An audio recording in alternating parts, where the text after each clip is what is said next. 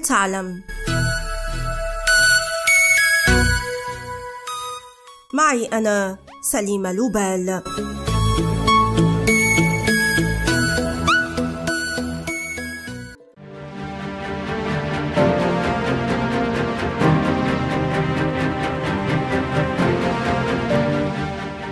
لم يكن أحد يعرفه من قبل لكن أفراد فرقته الدموية فاغنر عاثوا فسادا وأزهقوا دماء في سوريا وليبيا وأوكرانيا والسودان وجمهورية إفريقيا الوسطى ومدغشقر وفنزويلا والموزمبيق ومالي.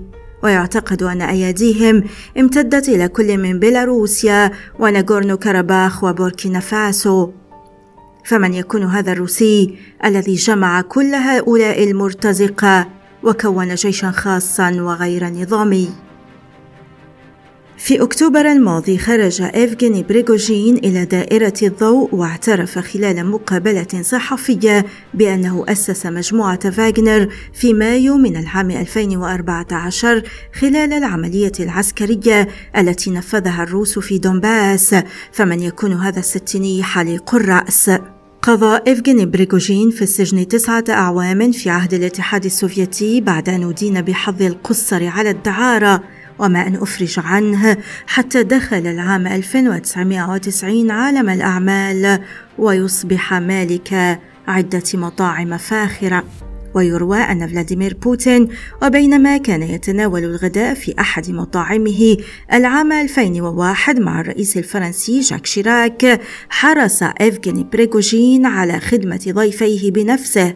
ومن هنا بدأت علاقة بوتين ببريغوجين. وما هي إلا فترة قصيرة حتى تلقت شركته Concord Catering طلبيات حكومية بمئات الملايين من الروبل لتوفير وجبات للمدارس والوزارات والجيش. كان هذا كافيا لإطلاق لقب طباخ بوتين على بريغوجين الذي أصبح مليارديرا ولكن أيضا هدفا للمعارض أليكسي نافالني الذي لم يتوانى عن اتهامه بالفساد. في فيديوهات نشرها على يوتيوب. سعى بريغوجين إلى الابتعاد عن الأضواء لكن المهمات الشديدة التي كلفه بها الكريملين سلطت عليه الأضواء إذ تردد اسمه لأول مرة العام 2017 بعد انتخاب دونالد ترامب رئيسا للولايات المتحدة الأمريكية في سياق الاتهامات التي وجهت لروسيا بتوجيه الرأي العام الأمريكي والتأثير عليه. وهنا اكتشف العالم شركته Internet Research Agency التي تعتبر مزرعة ذباب إلكتروني لطالما استهدفت معارضي فلاديمير بوتين.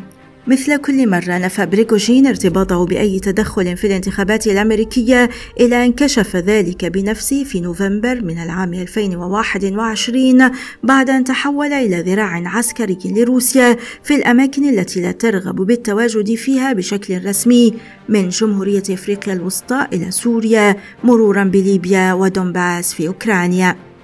لا ينتمي الطباخ السابق إلى دائرة بوتين الأولى فهو منفذ للأوامر فقط لكن لما ظهر علانية مؤخرا وشيد مبنى ضخما لشركة فاغنر العسكرية في سانت بطرسبورغ كما أعلن الشروع في بناء خط فاغنر على شاكلة خط ماجينو الذي بنته فرنسا بعد الحرب العالمية الأولى بهدف الإبقاء على القوات الأوكرانية بعيدة عن منطقة لوهانسك المحتلة. يعتقد مراقبون أن خروج بريغوجين إلى العلن يمثل بالنسبة له أداة للبقاء على قيد الحياة خاصة وأن للرجل أعداء أبرزهم حاكم سانت بطرسبورغ ألكسندر بيغلوف ووزير الدفاع سيرجاي شويغو. ويبدو أن رجل الأعمال يسعى لحكم روسيا بعد بوتين لكنه قبل ذلك يرغب في أن يضع يده على دونباس حيث تتمركز القوة الصناعية في المنطقة.